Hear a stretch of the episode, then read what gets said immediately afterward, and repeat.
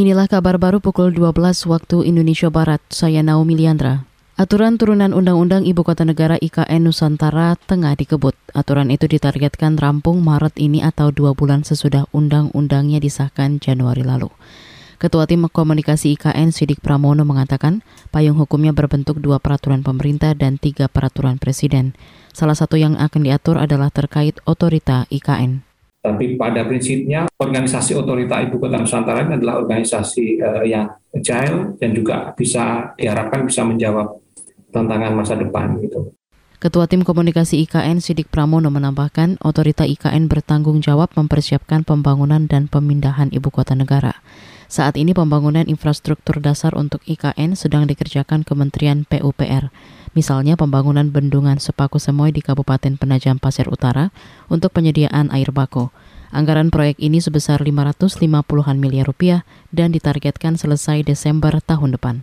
Sebanyak 11 dari 1000 bayi baru lahir di Indonesia mengalami gangguan pendengaran. Hal itu diungkapkan dokter spesialis anak dari Ikatan Dokter Anak Indonesia IDAI Aman Subadi, mengutip data dari Kementerian Kesehatan.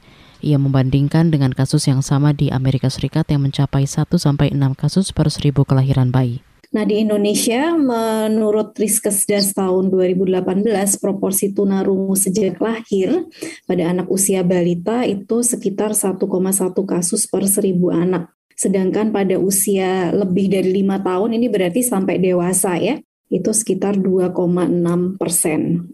Dokter spesialis anak Amanda Subadi menambahkan penyebab gangguan pendengaran pada bayi dan anak disebabkan sejumlah hal, mulai dari bawaan genetik, infeksi, trauma, dan toksik seperti efek samping obat. Saudara, Hari Pendengaran Sedunia diperingati setiap 3 Maret.